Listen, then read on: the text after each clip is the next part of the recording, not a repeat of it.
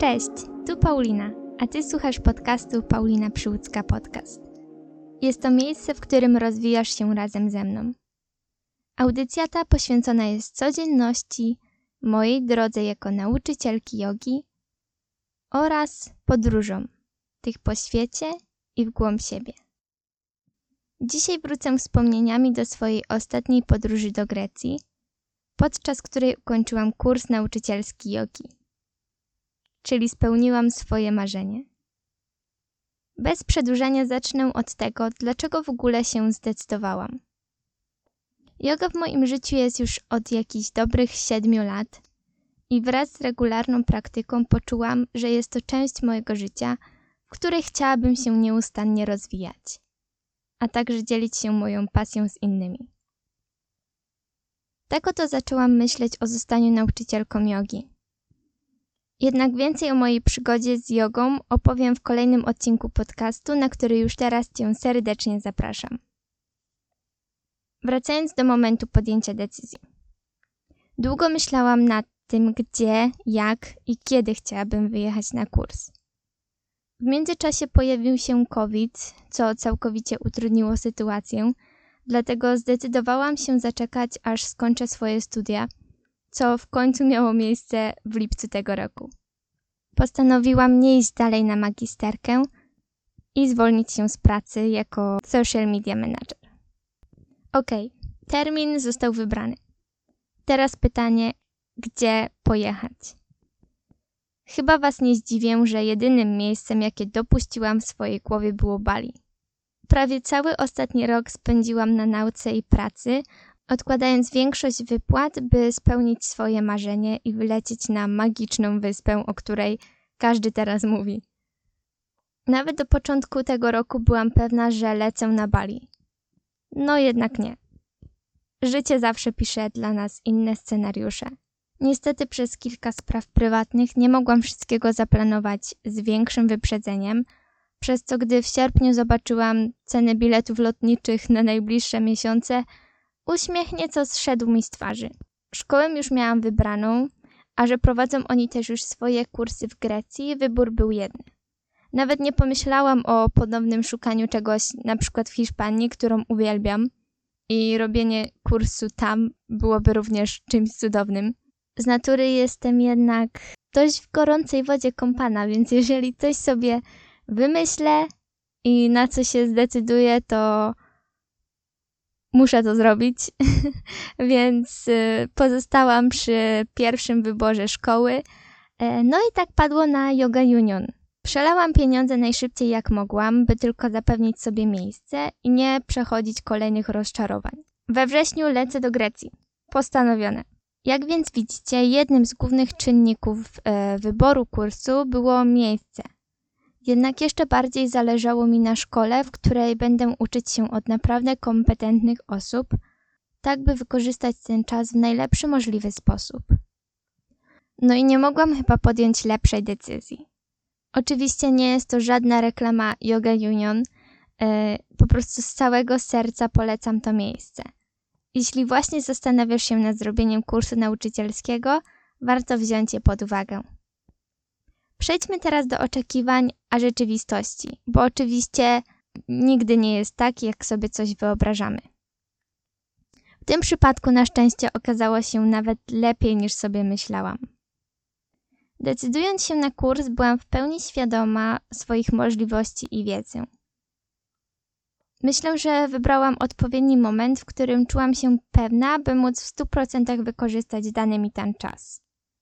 Wiedziałam, że fizycznie moje ciało sobie poradzi, choć było o wiele ciężej niż myślałam, oraz to, że nie będę porównywać się z innymi. Nie jestem w stanie wykonać wszystkich skomplikowanych asan, bo kto jest? Nikt nie jest z nas idealny. Jednak wiem, że wszystko przychodzi z czasem i z pracą. Dlatego mimo kilku trudniejszych momentów e, w relacji ja versus inni, czyli porównywanie siebie, jestem z siebie naprawdę dumna. W tym czasie skupiłam się na sobie i swojej praktyce. Każdy w grupie był różny. Były osoby, które praktykują od kilku miesięcy i przyjechały to zrobić dla siebie, nie mając w planach uczenia innych, co naprawdę podziwiam, były osoby pośrodku, do których zaliczyłabym siebie, które praktykują od dłuższego czasu i chcą uczyć, jednak mają pewne limity ruchu. Ja nie umiem stać na rękach, nie umiem zrobić pinczy i miliona innych skomplikowanych asan. Ale to też jest. Okay. Każdy z nas gdzieś zaczynał. Z drugiej strony były też osoby, które od dzieciństwa uprawiały gimnastykę i bez jakichkolwiek problemów wykonywały wszystkie najtrudniejsze pozycje. I to było cudowne, bo nikt nie czuł się tam nieswojo.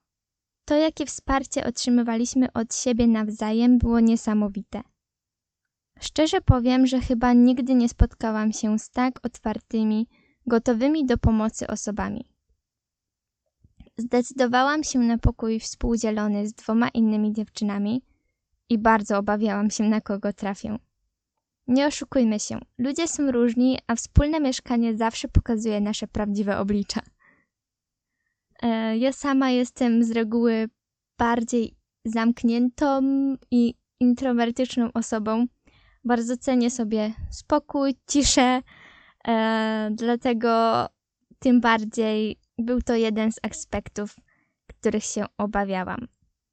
Na szczęście trafiłam na Eloise z Francji i Sarę z Niemiec. Mogę powiedzieć tylko tyle, że lepiej nie mogłam trafić. Nie wiem jakim cudem dobrali nas tak dobrze, ale każdy dzień to była czysta przyjemność. Rozumienie siebie, swoich granic, poczucia humoru. Myślę, że bez nich ten wyjazd byłby całkiem inny. I nie wyobrażam sobie być z nikim innym z grupy w pokoju, mimo wszystko, że by, wszyscy byli cudowni. E, to jednak tutaj, no naprawdę czułam się tak jakbym znała je od o wiele dłuższego czasu.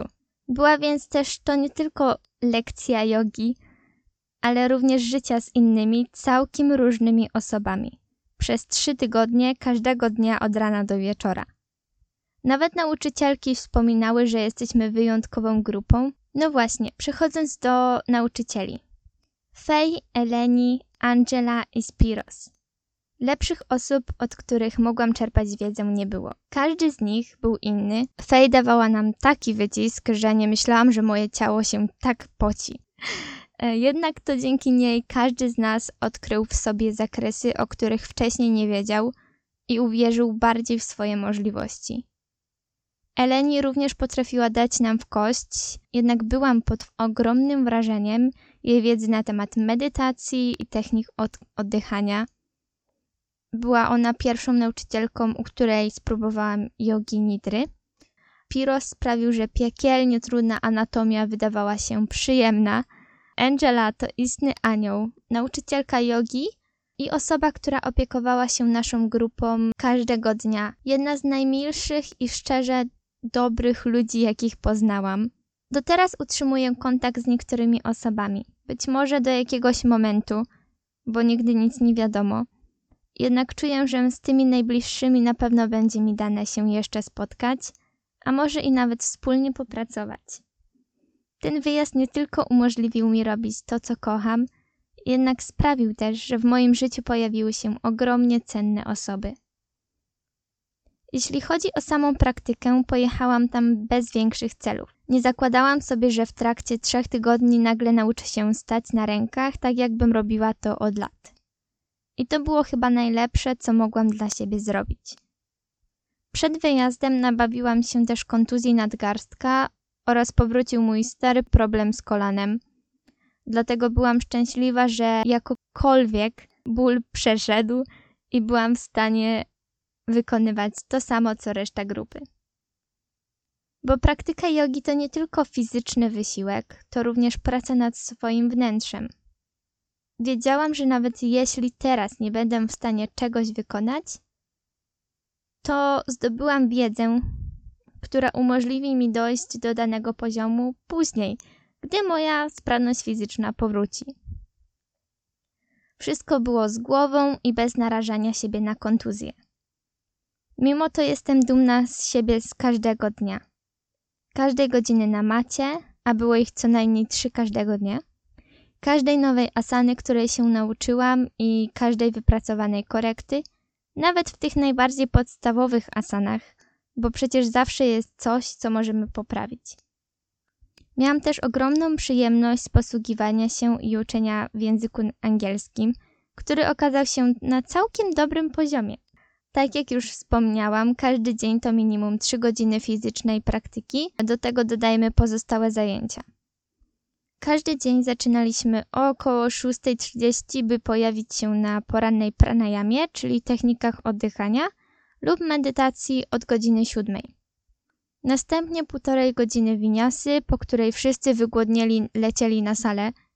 Były to najbardziej wymagające zajęcia, dlatego chyba cieszę się, że były od razu z rana i potem mogliśmy przejść dalej. Już nieco w bardziej slow tempie. Po przerwie były zajęcia skupiające się na prawidłowym wykonywaniu asan, czyli alignment, mm, tak by uczyć w najbardziej bezpieczny i świadomy sposób. Potem przerwa na lunch, podczas której zazwyczaj wszystkie schodziłyśmy na naszą prywatną mini plażę e, lub naukę przy basenie. Na koniec dnia filozofia, czyli moje ulubione zajęcia, lub anatomia, troszkę mniej, jednak naprawdę byłam zdziwiona, że tak mo może mi się to spodobać. Na koniec relaksująca praktyka yin lub restauratywna, która kończyła się o 19. No i potem upragniony czas na kolację i czas wolny. E, swoją drogą jedzenie tam było cudowne.